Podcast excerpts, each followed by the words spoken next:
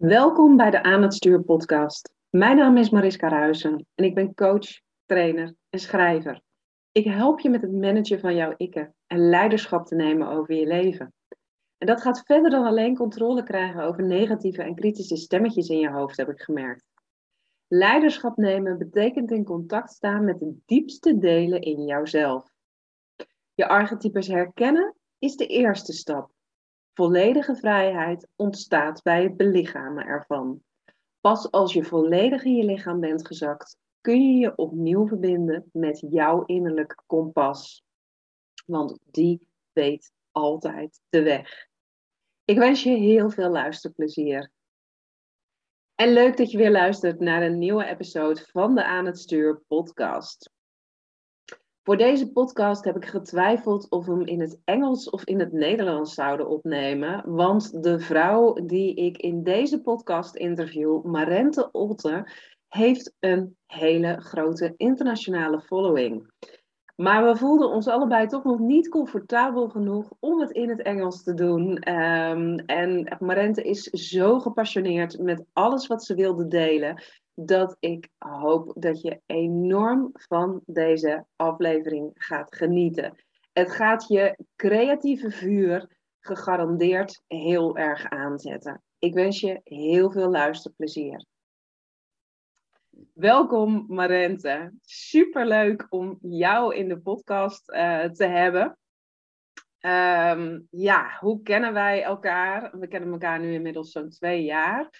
Uh, denk ik. Ja, iets, iets korter. Um, maar we zijn wel meteen behoorlijk met elkaar de diepte ingegaan, omdat wij allebei een uh, traject hebben gevolgd bij, uh, bij Anne Kwaars, business coach. En um, nou, ik weet nog dat Anne zei toen jij in de groep ging komen: Dit ga jij heel erg leuk vinden, Maris. Hier ga jij van aan. En toen zag ik dat jij dat was en toen dacht ik echt, oh my god, maar ik ben gewoon al jaren lid van de Flow, volgens mij al vanaf het eerste begin. Mhm. En ik heb al jouw illustraties gezien en um, nou, ik had ook zelfs meegekregen uh, dat je die, uh, die wedstrijd in Amerika had gewonnen.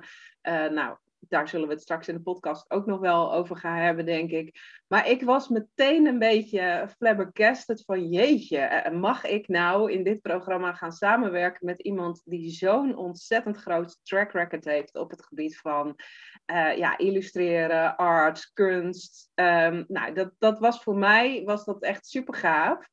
En het was nog gaver toen we elkaar eigenlijk beter leerden kennen. En ik merkte dat het helemaal niet nodig was om jou op een enorm voetstuk te zetten omdat je eigenlijk gewoon een super tof mens bent. Oh. En um, ja, dat maakte ook wel dat ik dacht van nou, als er iemand is die um, ja, creativiteit, uh, gekkigheid, gewoon je niks aantrekken van andere mensen en doen waar je zin in hebt. Als er iemand is die dat uitademt, nou, dan ben jij dat wat mij betreft. Dus vandaar dat ik je heel graag in de podcast wilde.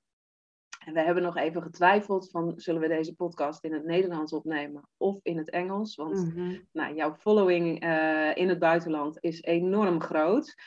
Uh, maar we hebben er toch voor gekozen om het gesprek lekker de diepte in te kunnen laten gaan. En dan voelen we ons allebei wat meer comfortabel in het Nederlands. Dus nou ja, wie weet dat die Engelse podcast ooit nog een keer komt. Ja, leuk. Ja. Ja. ja. Nou, um, zou jij, uh, ja, hoe zou jij jezelf omschrijven als je jezelf zou mogen introduceren? Wie ben jij dan en wat doe je en, en hoe is dat zo gekomen? Misschien moet je even de vraag anders stellen. Oké, um, ja, dat, dat is een goeie. Um, nou, vooral denk ik dat mensen heel erg nieuwsgierig zijn van, ja, goh, uh, hoe kwam het dan dat ik zo tegen jou opkeek vanwege je track record? Hoe heb je dat zo weten te bereiken? Want, nou ja, ik denk dat er maar weinig mensen in Nederland zijn die kunnen zeggen dat ze een heel internationaal portfolio hebben opgebouwd. En ja, ja um, daarin heb jij je sporen wel verdiend. Dus hoe is dat zo gekomen? Ja, nou oké, daar kan ik wel iets mee. Ehm, eigenlijk op mijn twintigste was er een soort van uh, innerlijk vuur. Dat ging aan. En ehm, in mijn familie was het helemaal niet gebruikelijk. Kunstacademie of, of, het maken van kunst. We waren wel heel creatief thuis, maar dat is een ander verhaal. Mhm. Ehm, maar goed, dus uh, ik ben toen dat pad opgegaan. Ik ben naar de academie gegaan en daar is het eigenlijk allemaal begonnen. Daar is iets aangegaan waarvan ik dacht, dit ga ik doen. En klaar. Daar kwam ook niks tussen. Uh, er waren best wel mensen die me daarin tegen wilden houden, maar no way. Ik zat op de snelweg en uh, ik ging zoef. Nou ja, het is heel typisch. Um, ik heb sowieso al niet op een standaard academie gezeten. Ik ben naar België vertrokken, mm -hmm. naar een dorp eigenlijk. En het uh, was een fantastische academie, maar daar was ik eigenlijk al afgeschermd van van het Nederland. Weet je, waar iedereen het had over Dunbar en nou ja, de grote, de grote iconen, design-iconen. Dus daar kroop ik al in een soort van hol om helemaal mijn eigen stijl uh, uit te diepen en te ontdekken. Um, ja, na de academie ben ik gewoon echt heel spontaan in het diepe gesprongen. ik heb nota bene nog uh, nou ja, Annemarie van Gaal toen nog gebeld. Die zat in Moskou. en ja. dat was een, een, functie voor art director in Moskou, weet je. En dat soort dingen. Ik zag die advertentie en ik mhm. reageerde daar gewoon op. Zo van, oh wat leuk. En niet zo van, oh dat, dat kan ik helemaal niet. Of dat was gewoon geen issue bij mij. Ik dacht, wat leuk, dat ga ik doen. Cool. En um, nou, zo is dat eigenlijk met alles. Dus ook mijn ontwerpbureau. Wauw, wat tof. Ik wil dat doen. Ik ga dat doen. Punt. En uh, nou, dat ontwerpbureau ook was geen standaard ontwerpbureau. Wij maakten eigenlijk datgene wat de klant totaal niet verwachtte. En ook echt buiten de kaders. Hmm. Ik was met handlettering bezig en nou, klanten reageerden van handlettering? Ben je gek? Kan niet, het verkoopt niet, weet je, dat is niet leesbaar. Zo, nou, zo not done. En ik dacht, wat klets je nou, man? Als je dat doet, dan krijg je een product wat er zo uitspringt. Hou even op. Maar dus continu schoppen tegen heilige huisjes, maar wel op een manier waarvan ik dacht, doe het. Hoe tof is dit? Waarom mm. hou je je in? Waarom hou je je aan de regels? Dat is saai. Ja, dus dat heb ik eigenlijk continu gedaan. Ook tijdschrift Flow, wat jij zegt. Uh, ik dacht, oh, ik wil een column in Flow. En dan ga ik tekenen en dan ga ik vertellen over hoe je uh, uh, anders kunt kijken naar dingen. En um, ja, dus ik belde Flow. Ik zeg, ik heb een idee. Ik wil een column. Oh, wat leuk, zei Flow. Nou, vertel. Oké, dus zo, weet je, dus mm. puur vanuit zoveel enthousiasme en ook, ik zie dan de dingen dus ook gewoon voor me. Ja. En dus is het toch mogelijk? En waarom zou je dat dan niet doen? Ja, er komen veel reacties op en oh, oh, so what? Gaan we pionieren of niet? Ja. Dus ja, dat. Maar dit is, dit is wel heel cool wat je hier nu uh, vertelt. Want nou, toevallig ben ik, uh, as we speak, bezig met een, met een gratis driedaagse, de Feminine Experience. En daarin hebben we het heel erg over het gebruik maken en het inzetten van je vrouwelijke energie. Nou, gisteren hadden we het over je innerlijke Afrodite. Nou, degene die um, uh, ja, haar sensualiteit omarmt, maar die ook uitermate creatief is. En die inderdaad gewoon zegt vanuit zo'n innerlijke spark, vanuit dat innerlijk vuur, van hé, hey, laten we dit gaan doen. En laat ik dan ook gewoon de trendsetter zijn. En laat ik dan degene zijn die um, ja, hier de initiatieven gaat nemen. En die hoor ik bij jou dus heel erg terug. En nou, zeker de mensen die um, uh, dit ook op YouTube kijken, die zullen ook zien dat jouw gezicht ook letterlijk gewoon helemaal verandert als je het daarover hebt. Zo van, oh, yeah. ja, maar het is toch logisch dat, dat ik het op die manier doe. Terwijl ik gewoon weet, ehm, nou en ik ben daar zelf jarenlang ook wel uh, debet aan geweest, maar dat er heel veel vrouwen zijn natuurlijk die zeggen van, hey, ik voel dat vuurtje wel branden en ik, ik wil wel van alles, um, maar er komt meteen een domper overheen. Van ja, wie denk jij dan uh, dat je bent? Uh, ze zien je aankomen, snotneus, doe maar normaal, dan doe je al gek genoeg. Um, heb jij dan nooit dat soort stemmetjes in je hoofd gehad of dat soort gevoelens gehad? Of zeg je van nou, dat vuur dat was altijd groter, dus ik kon eraan voorbij gaan? Mm, dat is wel een hele goede vraag. Ik denk dat ik het heel veel vanuit de buitenwereld gespiegeld heb gekregen. Dat wel hoor, echt kritiek, afkeuring, absoluut. Um, ja, één voorbeeld herinner ik me echt nog heel goed. Ik, was, ik zat op de middelbare school. Ik was nou twaalf of zo. En ehm, op een dag dacht ik, ik wil houten klompen aan. Oké, dat was in een tijd waarin roze broeken en uh, mintgroene t-shirts en nou, ik weet niet, maar uh, doe maar was in en zo. Echt, oké, en ik dacht houten klompen. Dus ik ging houten klompen halen en ik ging ze ook nog eens beschilderen. En ging er bloemetjes op schilderen. Dus ik ging naar school met die klompen. Nou, je wilt niet weten, maar echt. Je bent twaalf, weet je, dan is het mhm. echt, dat is een hele kwetsbare leeftijd. Maar ik kreeg me toch een, een, een boel over me heen. Zo van, nou, wat, wat doe jij? En het is echt super stom en uh, zo. Mm en ik herinner me nog één meisje, die zat in de vijfde. En die kwam naar me toe, die zegt zo, dat is tof dat jij daar aan hebt. Dat is echt leuk. Wauw. Ja, ja. Maar goed, ik, ja, ik heb dat echt veel teruggespiegeld gekregen vanuit de buitenwereld. En het, dat voelt echt naar. Ja. Absoluut. Het is, nou ja, het is een afkeuring. Mm maar, maar toch ik, ik denk, ik, ik had geen keus. Mm. Voor mijn gevoel. Me aanpassen voelde nog naarder. Wauw. Dan dit incasseren. Ja. En ik geloofde ook zo sterk in datgene wat ik voor me zag en wat ik deed en wat ik voelde. En, en ik dacht, ik wil niet mee in die, in die standaard flow voelt, dat, voelt, dat voelt nog naarder. Mm. Laat me met rust. Ik wil zijn wie ik ben. Punt. Wauw. En heb, je dat, heb je dat van thuis uit? Is dat iets wat je van, van thuis uit hebt meegekregen? Dat je ook die vrijheid kreeg om te mogen zijn uh, wie je was? Of zeg je van nou, ik, ik was ook daar het zwarte schaap en schopte overal tegenaan? Hmm. Ja, ik, ik denk zeker dat ik dat van thuis heb meegekregen. Mijn vader was een eh, pittige manifester. Uh, zeker niet makkelijk. Uh, maar hij had een hele eigen visie op het leven. En dat voerde hij ook uit. Mijn moeder was heel creatief en reislust, reislustig.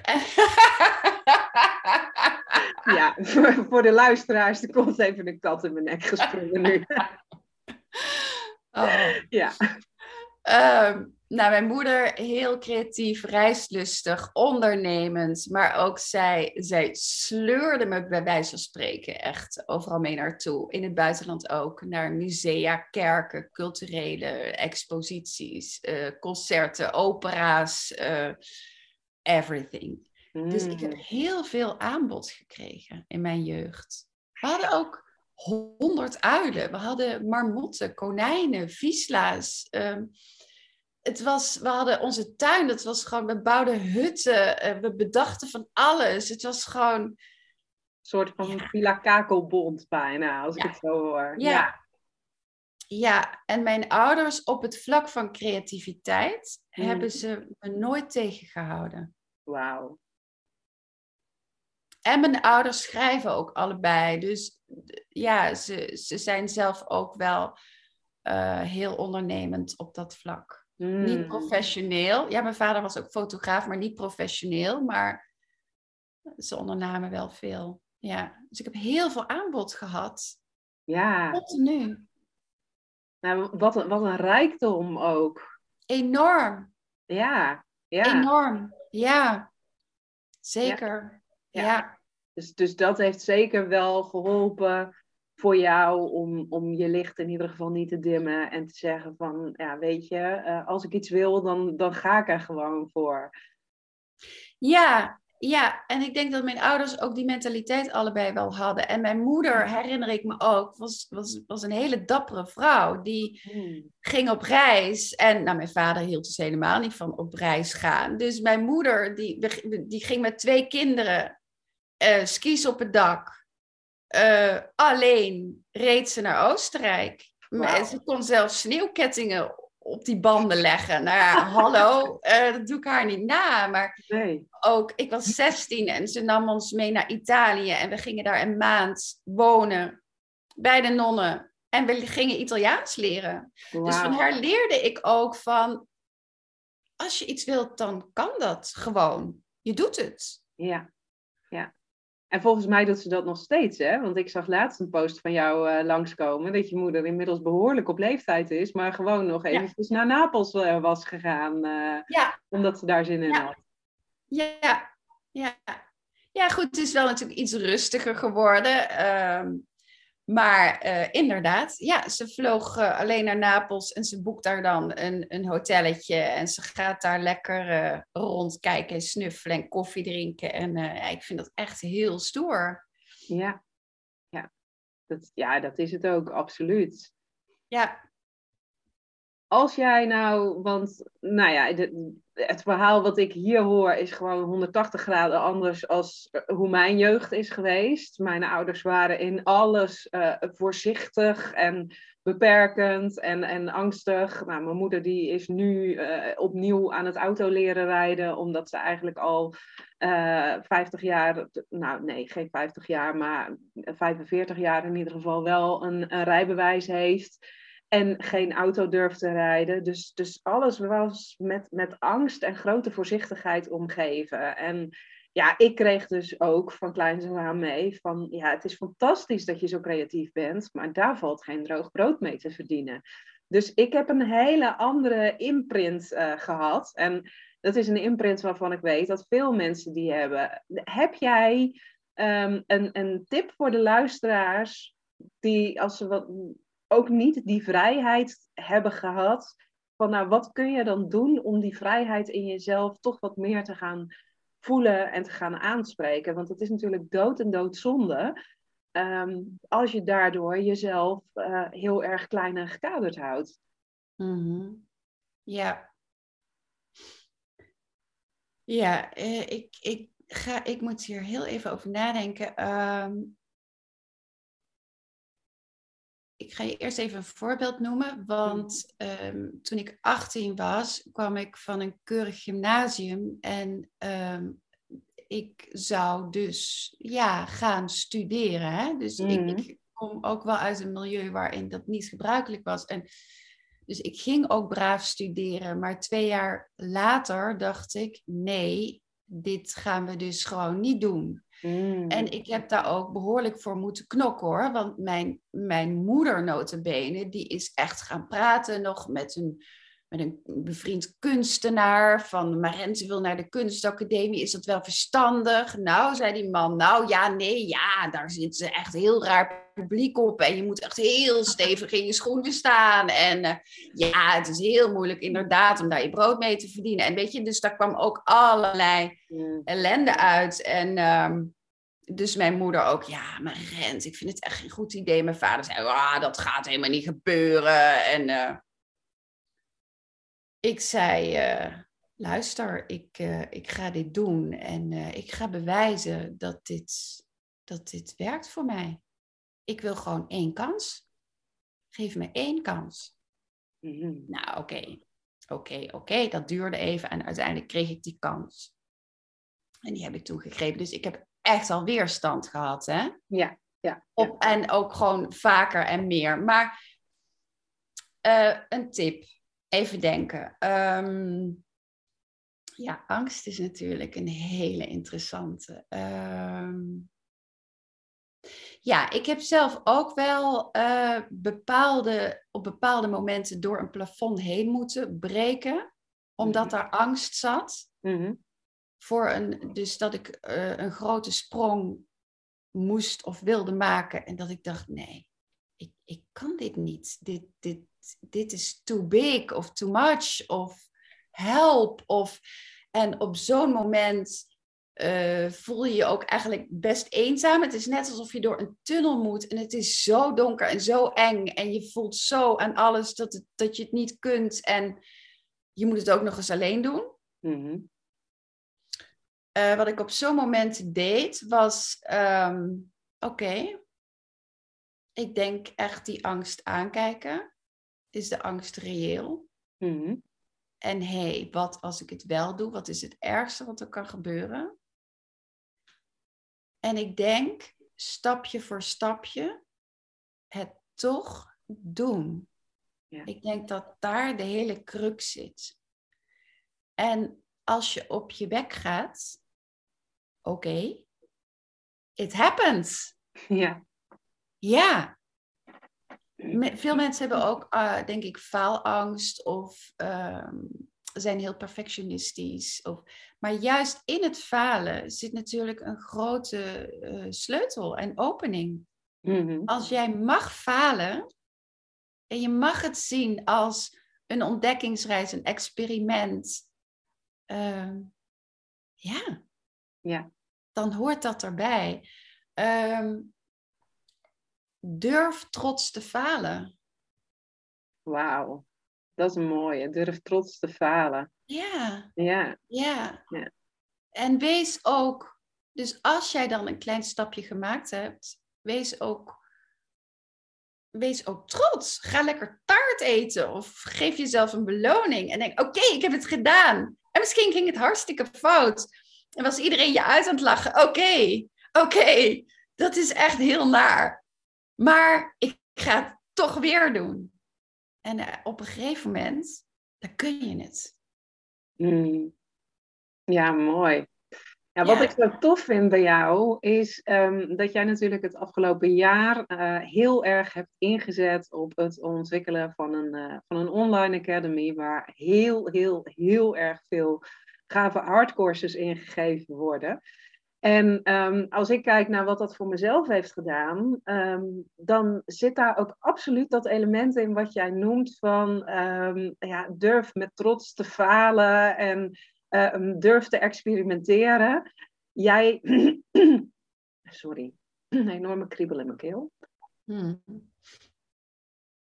Jij stelt daarin opdrachten voor waarvan ik denk, oh ja, vroeger op de middelbare school bij het vak tekenen had ik daar zo'n hekel aan. Want het was eigenlijk niet gekaderd. Ik moest het maar een beetje laten ontstaan en ik moest gaan spelen en ik moest maar kijken wat eruit kwam. Mhm. En op de een of andere manier, ik word er gelukkig steeds beter in, maar eh, is er iets in mij wat dat verschrikkelijk vindt? Want ja, het Mm. is toch wel lekker veilig om een, een, een voorbeeld te hebben, je daaraan eh, te kunnen conformeren en, en dat na te maken. Terwijl op het moment dat ik die opdrachten bij jou ging doen, dat ik merkte, oh hé, hey, maar ik ben eigenlijk veel creatiever nog dan dat ik dacht. Want als ik alle bestaande kaders loslaat. En als ik durf los te laten van hoe het zou moeten zijn, dan ontstaan er soms nog veel gavere dingen. Nou, en dan heb jij natuurlijk sowieso een community gemaakt. ehm, eh, die ook nog eens heel erg liefdevol en eh, ondersteunend is. Want iedereen reageert laaiend enthousiast op alles wat je, wat je post. Maar dat vind ik wel heel tof hoe jij dat hebt aangepakt. En nou, waar, ik, waar ik benieuwd naar ben, is: is dat dan omdat je dat, dat vrije, dat experimentele graag aan iedereen mee zou willen geven? Of is dit gewoon wie jij bent en, en kun je het alleen maar op deze manier doen? Ja, ik denk allebei. Ik, wat ik heel erg zie in deze maatschappij is dat heel veel draait op resultaat en controle. En dat leren we onze kinderen al. Ja. Dus ik zag dat gebeuren ook bij mijn eigen kinderen. Uh, heel spontane wezentjes, creatief. En zodra ze op school komen, uh, vooral de middelbare school, gaat dat uh, naar dat hoofd. Ja. Uh, cijfers zijn belangrijk. Je moet je keurig gedragen. Ehm, je moet doen wat er gezegd wordt en het resultaat telt. En je leert daar ook, uh, nou ja, alles goed onder controle te houden en te plannen. En dus het moet gaan zoals jij van tevoren het bedenkt. Mm Dat is hoe we, hoe we onze kinderen opvoeden. Ja. Uh, dat is niet hoe het leven is. ik geloof niet in controle. In die zin, kijk, uiteraard moet je plannen en uiteraard moet je bepaalde dingen wel managen. Zeker, zeker, zeker. Maar uh, de hele magie zit erin um, als jij stopt met uh, je te focussen op het resultaat of wat het moet worden of wat het zou moeten gaan worden. Mm -hmm. En je gaat naar het proces zelf. Mm -hmm en je kunt dus in het moment zijn, dan kun je een, een, nou ja, een flow bereiken. Ja, het is meditatief, het is uh, misschien andere mensen moeten daar een liter wijn voor drinken of een joint voor roken, I don't know. Uh, maar het gaat eigenlijk over hetzelfde. Je komt in een soort van meditatieve staat mm-hmm. en dan ontstaat het. Ja. Dus je gaat dan dus op dat moment ook niet bedenken van, oh, ik ga nu een appel tekenen en die moet er zus zo uitzien. Nee, je tekent. Ja. Punt. That's it. En dat is gewoon heerlijk. Ik gun dat iedereen. En het is gezond. Ja, ja. Ja. stress. Um, je blijft er, je blijft er vrolijk door. Uh, je krijgt ook een connectie met jezelf. Je blijft in verbinding. Mm-hmm. Hoe belangrijk is dat? Vooral ja. nu. Ja, zeker. Zeker. Ja. En um, focus on the process. En um, ja, het resul resultaat komt vanzelf. Door, dus ja, nogmaals, ik, ik gun dat gewoon iedereen. Dat is fantastisch. En vooral onze kinderen, hallo. Ik bedoel, we halen ze daarvan weg. Stop daarmee. Ja. Ja, en wat jij zegt, uh, moet je het doen? Ja, ik denk dat ook. Ja, het is een soort roeping. Um, nou ja, een soort roeping. Het is een roeping. Ja. Ja, mooi. Mooi.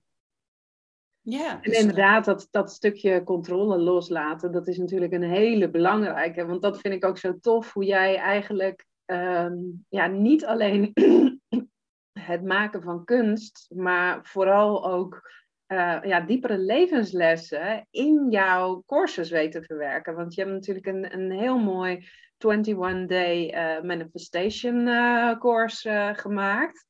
En, en mhm. daarin komt natuurlijk ook iedere keer terug van hoe meer je durft te genieten van het proces en, en van het feit dat je aan het creëren bent. Het is ook een hele belangrijke wet natuurlijk in de Law of Attraction.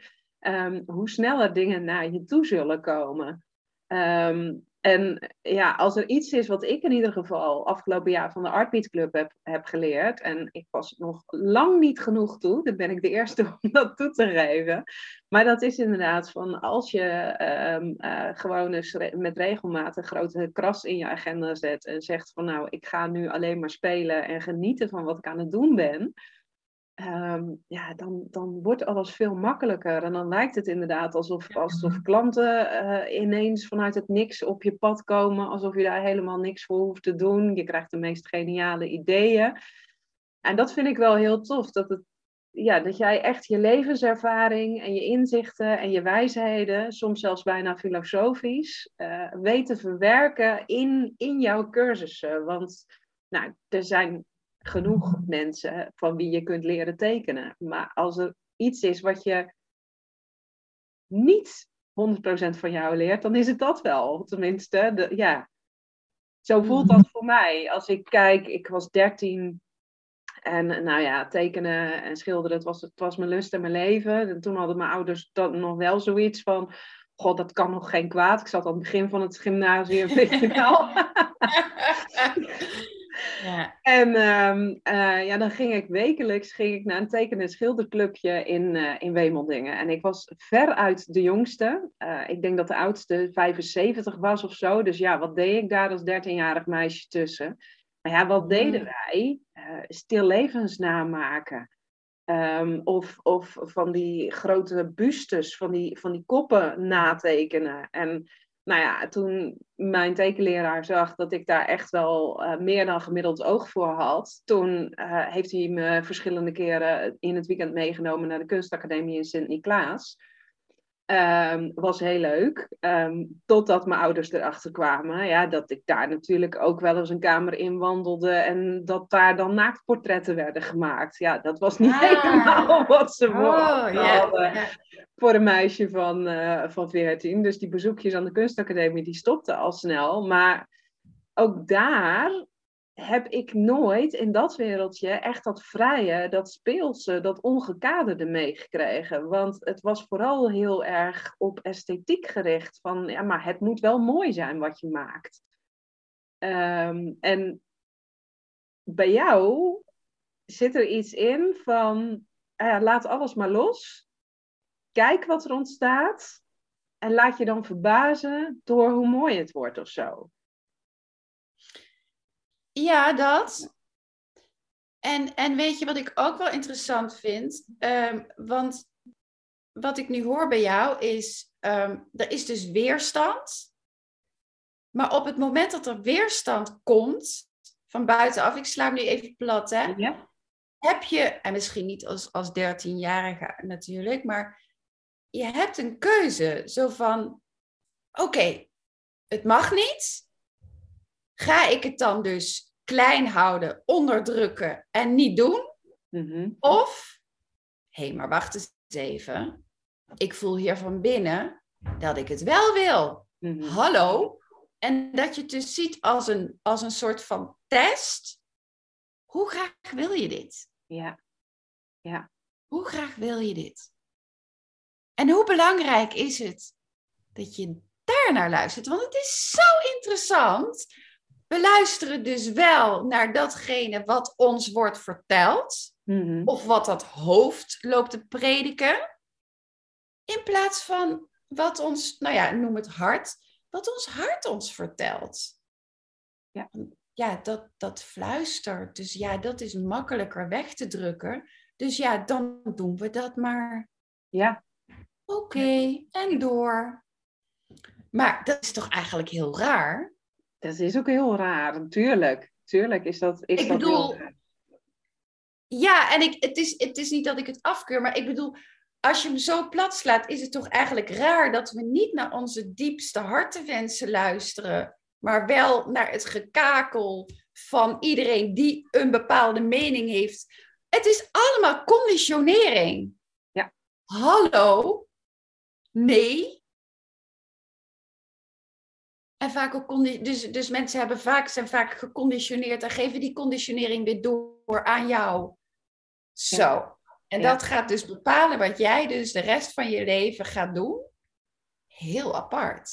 Heel, heel apart. Ja, ik geloof er ook echt wel in Um, uh, dat er op dit moment ook gewoon steeds meer kinderen worden geboren die daarin een, een, een voorbeeldfunctie hebben. Om dus te laten zien van hé, hey, ik wil niet meer in die gebaande paden lopen. Maar ja, als ik naar mezelf kijk, 30 jaar geleden, dan ik had geen voorbeeld.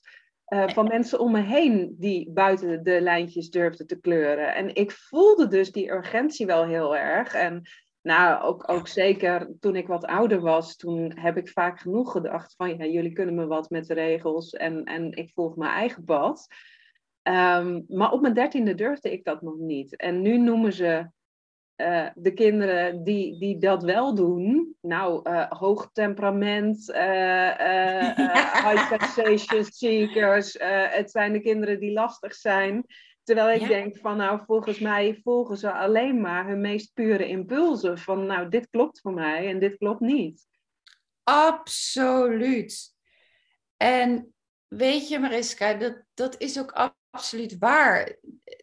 Ik bedoel, toen ik dertien was, was ik ook, nou ja, bang en... en dat bewustzijn was ook niet zo groot, denk ik. De kinderen die nu geboren worden, hebben al een, een voorsprong, hebben een groter bewustzijn over het algemeen. Dat denk ik wel.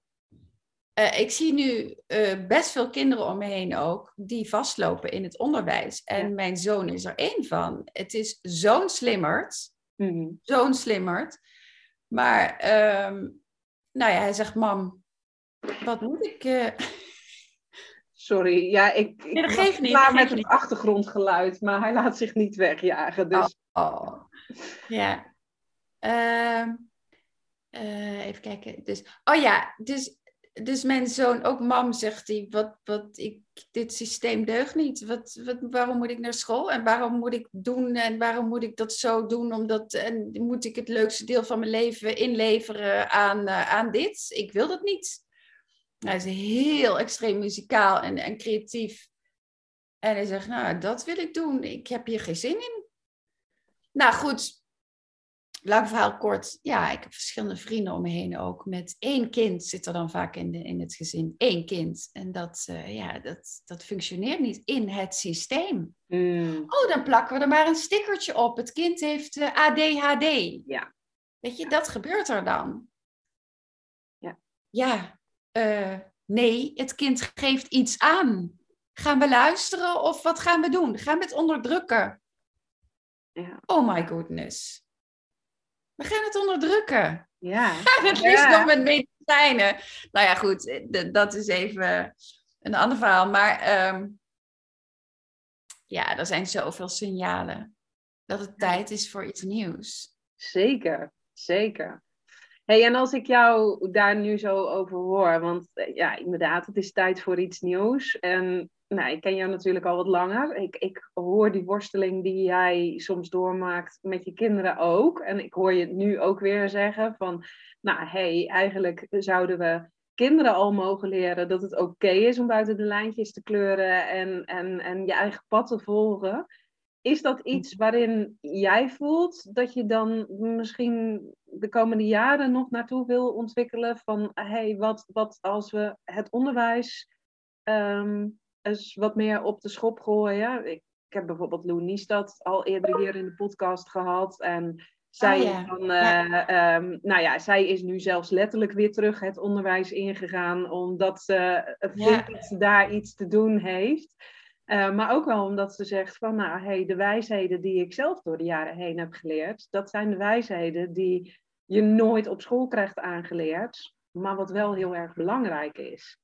Zie jij daar voor jezelf ook een rol in weggelegd? Of zeg je van, nou, ik, ik geniet met volle teugen van alles wat ik nu aan het doen ben en laat iemand anders die lastige taak maar op zich nemen? Mm, dat is een hele interessante vraag. Ja, ik zie Lou dat inderdaad doen. Ja, ja. ja dat, dat verbaast me echt totaal niet. Um, het is niet mijn ding. Mm. Waarom? Um, ik zie dat, dat onderwijs is zo stug en volhardend. En ik ben zeker wel met docenten in gesprek gegaan, maar wat een, een, een log instituut ik heb daar niet de energie voor. Dan moet je toch wel een, een soort van notenkraker zijn. Of, of harde relschopper. Of, of juist heel vredelievend en volhardend. En ik weet niet wat. Dat, nou, ik, nee, ik heb daar de energie niet voor. Ik denk dat je daar toch een, een, een ander type mens voor moet zijn. Om dat hele ehm, leger uh, te doorbreken. Mm. Nee, ik. Uh, nee, dat. Nee. Maar wat ik, wat ik wel zou willen. is een boek schrijven. Mm Of boeken schrijven. En daar zouden natuurlijk ook een soort van handleidingen in kunnen staan, of lessen, of, uh, maar ook voor, voor ouders met kinderen. Hoe ga je om met een, uh, met een, uh, een kind wat buiten de kaders valt? Wat, wat kun je aanbieden? Ah, ja. ja, maar dat, dat lijkt me heel tof. Uh, jij zal ongetwijfeld natuurlijk ook uh, een handboek voor het bouwen van je eigen luchtkasteel van Barbara Tammers kennen. Ja, ja, ja. ja, nou, ja. Dat, is, dat is wel echt mijn uh, bijbel jarenlang geweest toen ik nog in kindercoaching zat. Ah, ik vind het echt briljant. Ja. Um, maar ik zie jou, omdat jij ook zo ontzettend in de metaforen en, en de plaatjes en de ideeën nou, zoiets, maar dan op dat vlak en dan helemaal Marente-stijl. Eh, ja, dat, dat zie ik al zo helemaal ontstaan. Dat, uh, ja, dat lijkt me top. Dat is er inderdaad ook nog niet. En, en om mensen daar dan een hele andere visie op te bieden, ja, hoe gaaf. Ja. Ja. Ja. Ja. Ja, flip your perspective, zeg ik altijd. Je, je kijkt altijd vanuit een bepaalde koker vanuit een bepaalde kant. En dat heeft weer te maken met hoe ben je opgevoed, waar zitten je conditioneringen, waar zit de ruimte enzovoort. Maar kun jij vanuit nieuwsgierigheid uh, proberen te kijken vanuit een ander perspectief? En hé, hey, wat levert je dat op? Wat zie je? Wauw. Ja, ja. Dus uh, ja, um, weet je, daar zit nog zoveel, uh, daar zitten nog zoveel mogelijkheden. Ongekend. Ja, volgens mij ben jij daarin ook nog maar net op stoom aan het komen. Um, ik weet nog, gisteravond hadden wij eventjes kort contact via de app om, om nog voor te bespreken van gaan we het in het Nederlands of het Engels doen. En toen hoorde ik jou ook zeggen van ja, weet je, de Artbeat Club die moest er gewoon komen. Maar eigenlijk is die per ongeluk ontstaan, ook omdat ik een experiment aanging in coronatijd. Nou, misschien dat je nog eventjes wilt delen. Um, Omdat ik me kan voorstellen als mensen dit zitten te luisteren, dat ze denken, ja, experimenteren, maar hoe dan? Nou, voor mij was dat experiment wat je daar noemde wel echt mind-blowing. Dat je denkt, wow, zo kan dus iets ontstaan. Ja, ja. Oké, dus je bedoelt hoe dat toen in coronatijd is, ja. is gegaan? Ja. Ja. Ja. Mm -hmm. ja. Oké. Nou, dus uh, goed, de, de, corona brak uit. En uh, de hele wereld stond op zijn kop. En uh, ik dacht ook in week 1 van, oh, nu gaan we er allemaal aan of zo. Dit is vreselijk. Um, en in week 2 dacht ik, oh, oh, maar ik kan twee dingen doen. Ik kan nu op de bank gaan zitten en, en angstig zijn en ik weet niet wat. Maar ik kan ook iets bijdragen.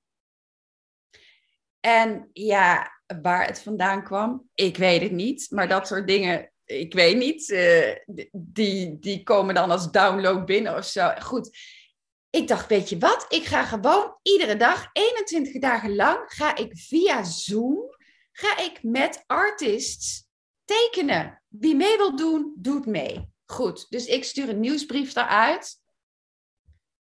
Uh, wereldwijd, duizend mensen schreven zich in. en ik ging, ja echt, dat, oké. Okay. En iedere dag, middag, om vier uur s middags, Nederlandse tijd. Want ja, Amerika schoof ook aan, weet je. Daar was het dan uh, tien uur s ochtends. En in Californië was het zeven uur s ochtends. Dus dat was nog net doable. Zat iedereen achter zijn camera, klaar met dat art journal. Nou, en dan ging ik ijsjes tekenen of, of gezichten. Of ik hield het uh, gewoon lekker laagdrempelig. En dan had ik die camera had ik op mijn tafel gezet. Mm -hmm. Met zoom aan. Nou, en uh, zo gingen wij samen, wereldwijd, met een enorme community, een uur lang tekenen. Nou, en ik kreeg gewoon berichtjes van Marent. We zitten al klaar, weet je, maar, uh, enzovoort. En uh, achteraf heb ik echt berichtjes gehad. En het gaat, het gaat niet om mij, maar meer om wat dat dus doet met mensen. Mm van uh, het heeft me gewoon door die coronatijd heen geholpen. Mm. En wat voelde ik een verbinding. Uh, terwijl ik gewoon alleen in mijn huisje zat, was ik lekker met mensen van over de hele wereld aan het creëren. Ja. Maar zo simpel is het. Ja, ja. Nou ja, ik weet ook nog heel goed de eerste keer dat ik vorig jaar, toen ik net in de uh, Art Beat Club zat, inderdaad ook zo'n live bijeenkomst uh, meemaakte. Ja, ik was helemaal over de moon s'avonds van, oh my god, ik zit hier gewoon in mijn kantoortje in Nune en, en ik zit met mensen uit Amerika, uit New York, uit Californië, uit Zuid-Afrika. Nou, ik had een heel divers groepje dat ik dacht van, hé, hey, maar, maar zo, zo voel je je ineens ook veel meer. En, en iedereen is nieuwsgierig naar wat je aan het doen bent. Iedereen wil van elkaar leren. En inderdaad, in, in zo'n periode van uh, isolatie waarin helemaal niks kon, ja, kan ik me echt voorstellen, en inderdaad, dat gaat dan niet om jou, maar dat het voor mensen letterlijk levensveranderend is geweest. Ja, ja. het gaat om iets groters. En, dat, en dat, dat is eigenlijk wat ik zo sterk voel. Ik ben eigenlijk alleen maar de firestarter. Ik zet het in gang omdat uh, dat sacraal stuk van mij denkt, ja, ja. Dus ik vertaal dat, mhm. waardoor heel veel mensen gewoon in die bubbel uh, kunnen aanschuiven en meesmullen met, met, in verbinding met zichzelf en met mhm. anderen. Ik, dat is eigenlijk wat ik doe. Gewoon een soort van spaceholder eigenlijk. Spaceholder, exact. Ja. Exact. Ja, dat is het eigenlijk. Ik creëer een soort van, ik zeg altijd, veilige speelweide. Met ja, een hekje eromheen. Want zonder hekje gaan we ook helemaal, uh, dat werkt ook niet. Mm Maar goed, je mag best af en toe een paaltje uit de grond rukken. en even een meter verder neerzetten hoor. Word ik niet boos. Weet je zo. Maar ik wil ook niet dat je jezelf verwondt of verdwaalt. Of hmm. eh, door de hongerige wolven buiten het weidje wordt opgegeten. Dus gewoon, dit is de sacred space. Kom lekker spelen. En het kan ook heel kwetsbaar zijn hè? om je werk te delen om te delen van, oh, ik kom uit zus en zo gezin. Uh, bij mij mocht het allemaal niet, enzovoort. Dat is kwetsbaar om zo'n verhalen te delen, om wat, datgene wat je maakt te delen. En die veiligheid waarborgen vind ik heel belangrijk. Ik denk dat veiligheid ook een voorwaarde is om echt uh, voor 300% creatief te kunnen zijn. Ja, die is mooi. ja. ja. Veiligheid is, is nou ja, een voorwaarde, ja. Overgave. Ja, ja maar die, die, die voel ik wel. Zeker op momenten dat er veel aan de hand is in je leven, bijvoorbeeld op privégebied of zo. Nou, wat ik dan merk is, als ik me dan minder prettig voel en misschien ook niet helemaal veilig en geaard in mezelf, dan weet ik dat ik eigenlijk niets anders hoef te doen dan mijn schetsboek erbij te pakken. Maar het is dan het laatste wat aan bod komt. Puur en alleen omdat die veiligheid ontbreekt. Ja. Omdat, omdat ik mezelf dat dan niet kan gunnen. En, mm, daar is ja, hè?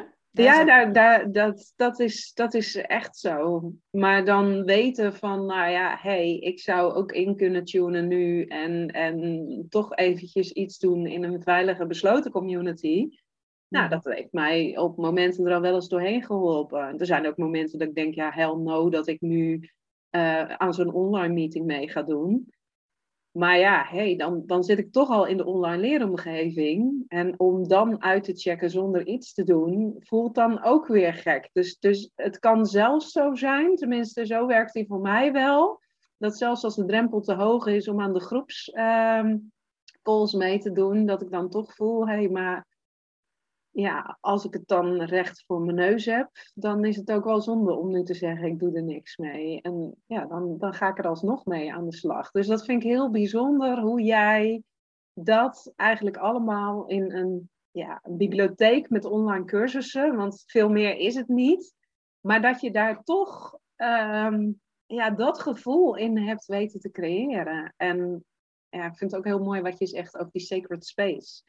Ja. voelt die bibliotheek ook wel als een soort van sacred space. Want ja, alles begint volgens mij ook met het creëren van een sacred space. Of je dat nou op het gebied van creativiteit doet, of gewoon überhaupt eventjes de aandacht aan jezelf geven.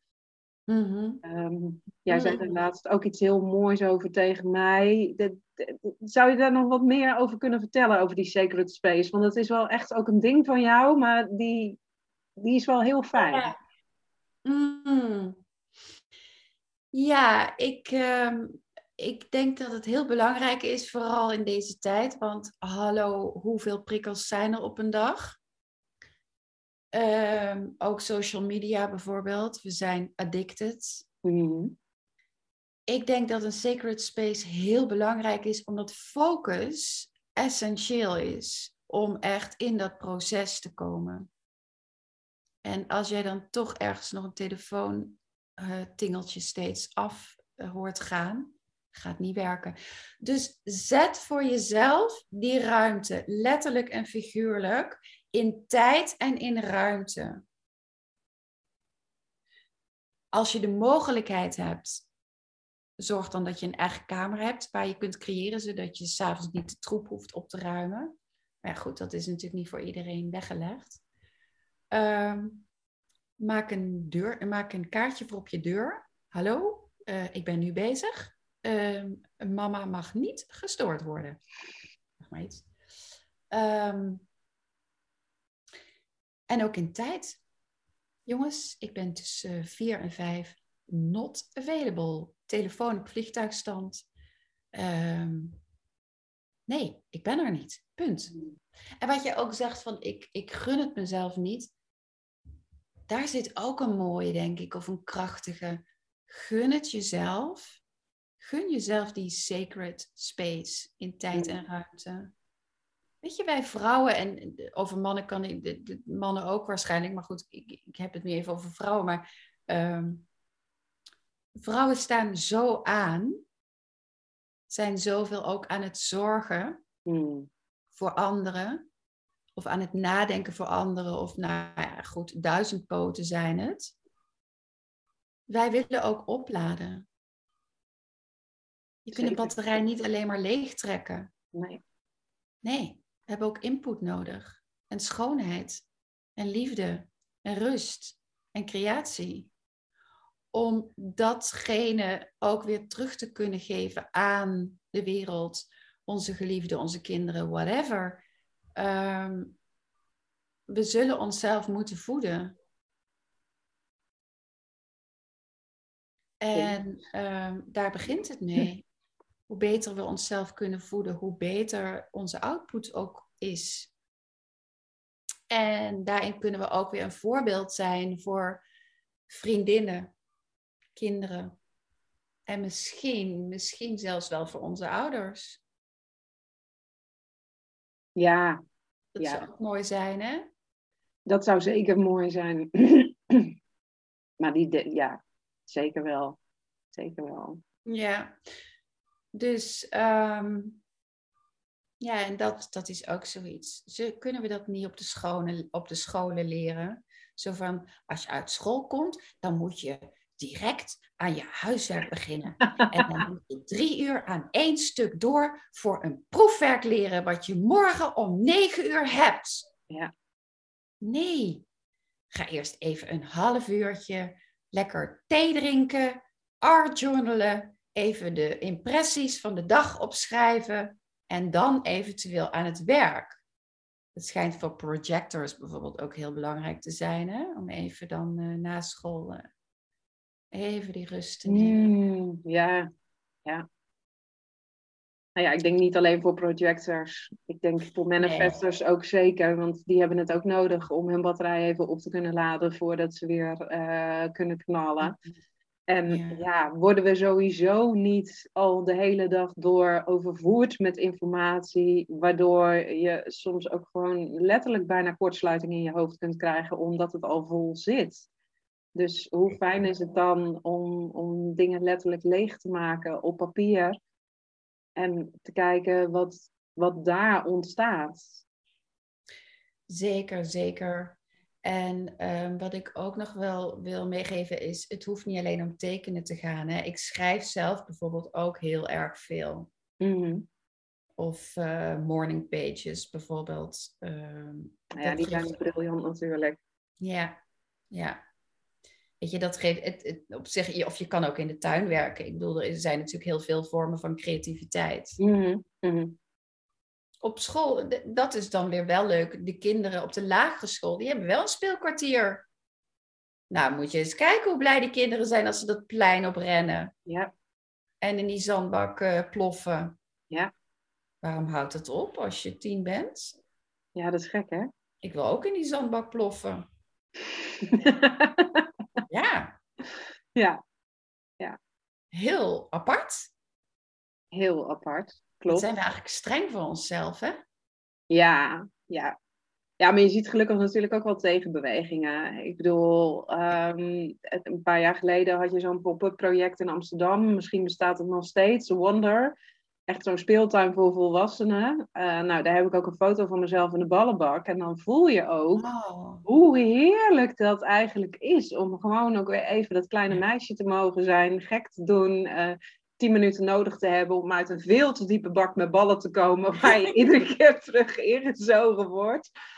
Um, maar dat je wel denkt, oh god, die, dat, dat ongegeneerd plezier maken en lol hebben, uh, ja, dat mag gewoon weer veel meer terug in onze maatschappij. Want jeetje, wat nemen we onszelf ook serieus, hè?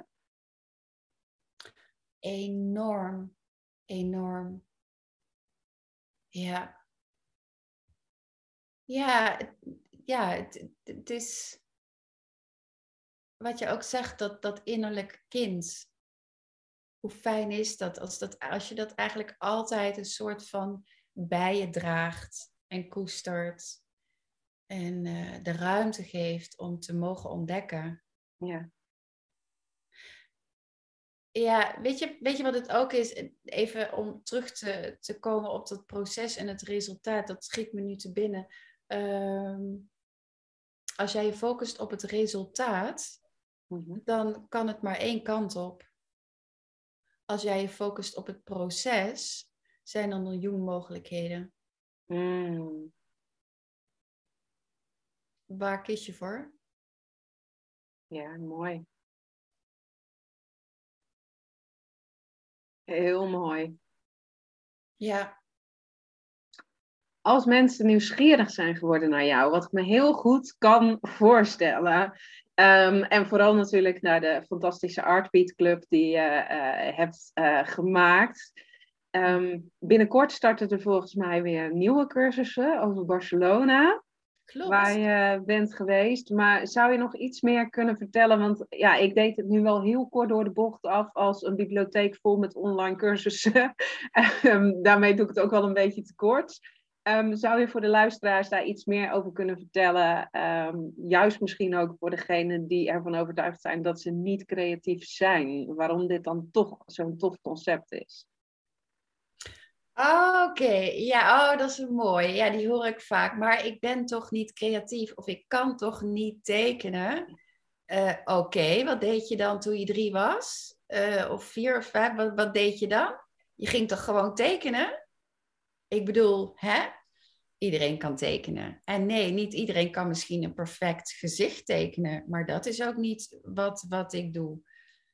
Uh, ja, ik bied dus allerlei cursussen aan. Eigenlijk is het voor alle niveaus. En uh, er komen ook allerlei technieken voorbij. Dus denk aan tekenen, schilderen, art journaling, maar ook het maken van patronen, handlettering, uh, collages maken. Ook heel tof. Uh, dat zit er allemaal in. Ehm, ik maak ook reizen en daar maak ik dan ook weer cursussen over. Parijs, Berlijn, Florence en nu komt Barcelona eraan inderdaad.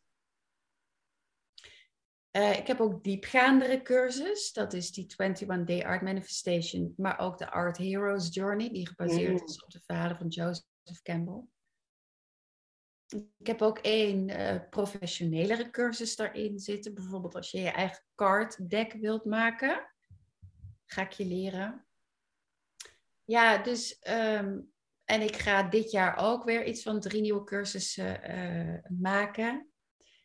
Nou, er zit zoveel nog in de pijplijn. Ehm, ja, en ik heb dus dan dat Superstardust Membership opgezet. Hè? Dus uh, dan kan je lekker, uh, ja, lekker meestromen en smullen. En, en dan krijg je toegang tot alle cursussen. En dat staat nu open, dus ja. Ja. You are invited. Nou, ik ga in ieder geval eventjes wat linkjes plaatsen uh, bij, uh, ja, in de show notes, zodat mensen dat, dat kunnen vinden. ik kan alleen maar zeggen, het is een dikke, dikke, dikke vette aanrader. Um, voor mij begon het vorig jaar allemaal met de cursus van Parijs. En ik weet nog dat één uh, opdracht specifiek me heel erg greep. Dat ik echt dacht, oh, dit lijkt inderdaad heel erg op een opdracht die ik vroeger op de, op de middelbare school kreeg bij tekenen. En nu kon ik ineens de lol ervan inzien. Oh. Was, ja, ja toen, toen vond ik dat verschrikkelijk. Ik weet ook nog letterlijk dat, dat, dat je toen ook die, die schoenen moest tekenen. En dat was de opdracht van uh, in Parijs liggen heel erg veel bijzondere vloertegels. En wat als je nu je eigen vloertegel zou mogen ontwerpen voor Parijs? En zorg dan in ieder geval dat jouw voeten ook in beeld zijn. Nou, Echt? Nou, de opdracht. Je bedoelt dat eh, eh, de opdracht op de middelbare school was uh, als je vanuit, uh, vanuit de lucht, um, nee, vlak voordat je een parachutesprong zou maken, als je vanuit de lucht naar beneden zou kijken, hoe ziet het er dan uit? Maar dan moest je dus ook eerst je schoenen, omdat die dan op de rand van het vliegtuig stonden. En dan moest je een, een luchtfoto dus maken van waar jij woonde. Dat vond ik toen heel ingewikkeld. Ja. Dat vond ik echt heel ingewikkeld. Maar ik moest wel meteen dan denken van, oh, dan moeten die schoenen er weer op. En wat een gedoe. En nou ja, uiteindelijk heb ik zoveel lol gehad aan die, uh, aan die opdracht. Omdat ik echt dacht, ja, maar waar zouden ze dan nog behoefte aan kunnen hebben in Parijs? Dus je, het zette zo mijn fantasie helemaal aan. En ik heb toen bedacht van, nou, wat als ze uh, voor de Moulin Rouge um, uh, tegeltjes zouden hebben. En daar heb ik toen Oh. kan-kan-dansers uh, van gemaakt. Nou, uiteindelijk is die zelfs in, uh, in de Artbeat-agenda uh, terechtgekomen.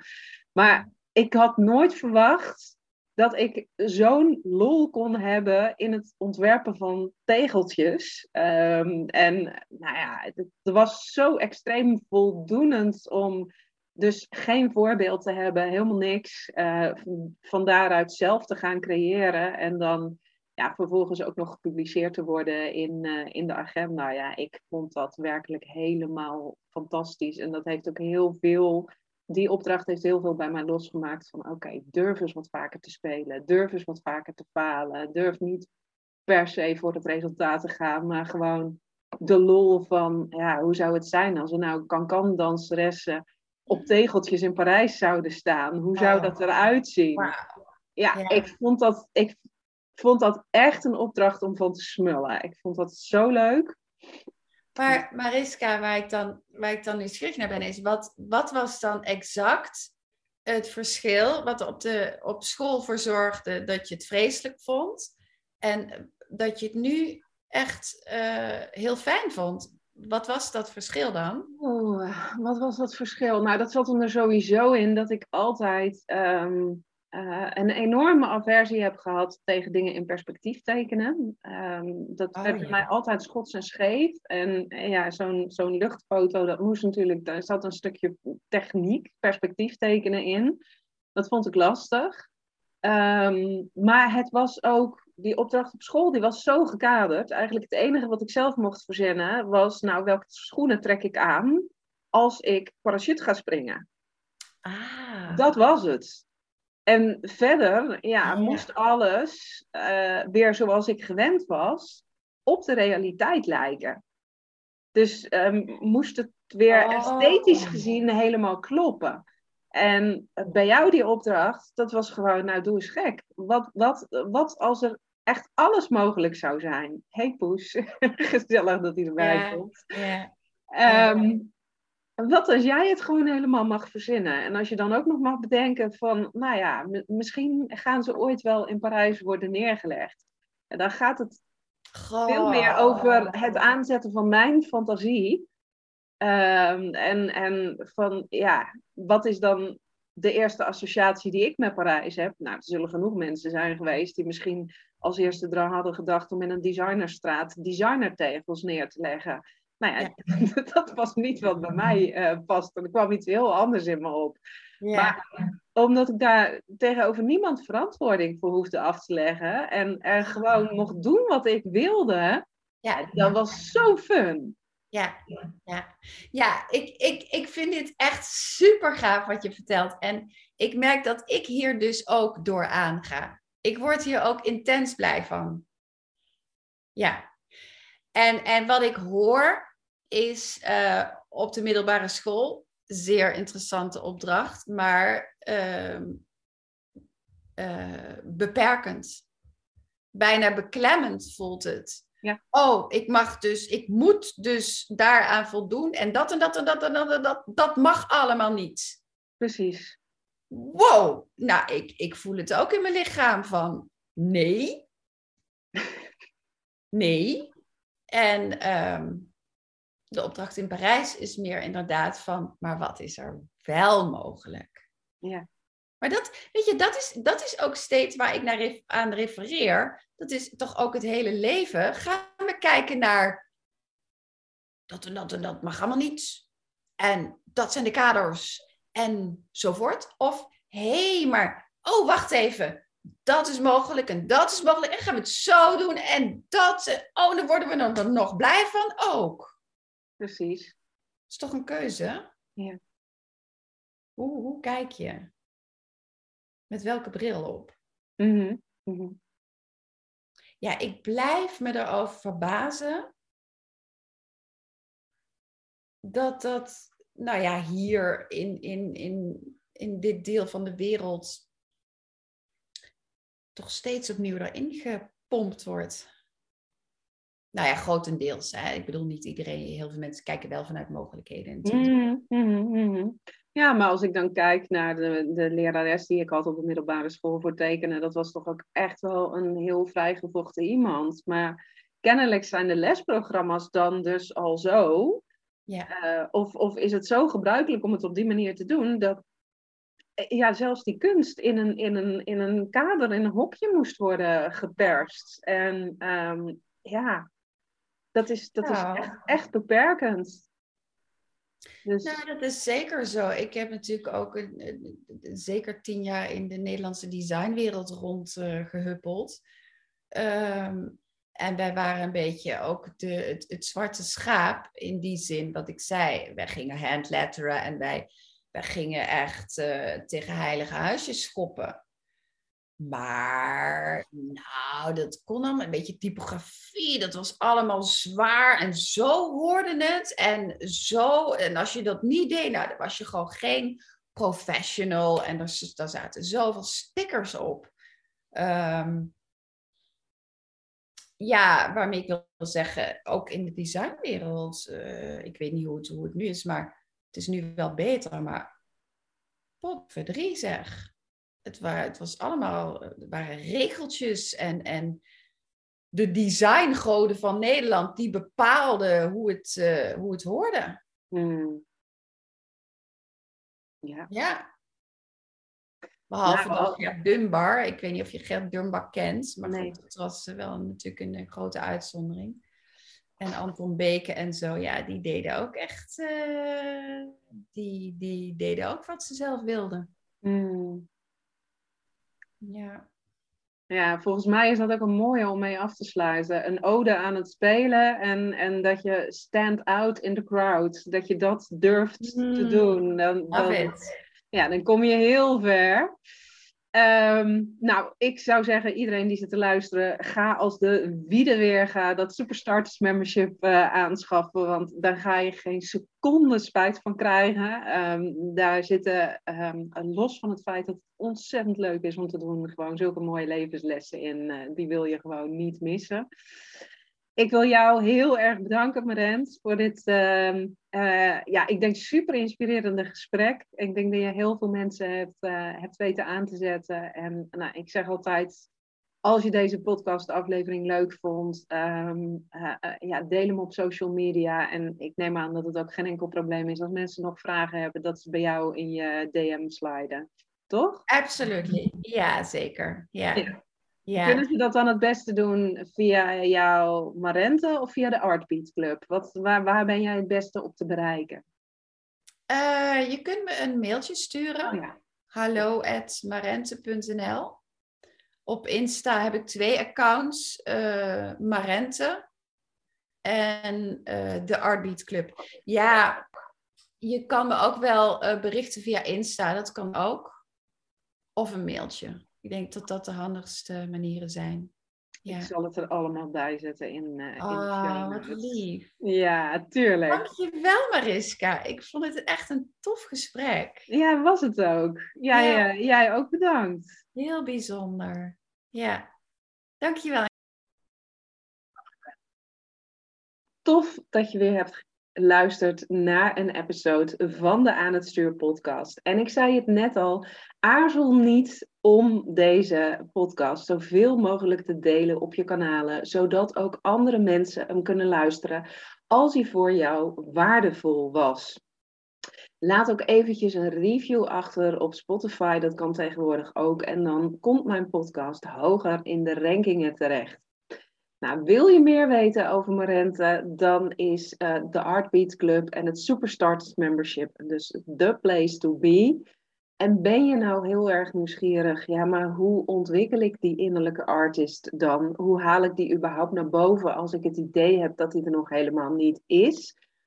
Weet dan dat de deuren voor de Feminine Journey geopend zijn. En dat is een uniek zes maanden programma waarin ik je meeneem langs negen archetypes die we helemaal gaan belichamen, helemaal daarin gaan zakken.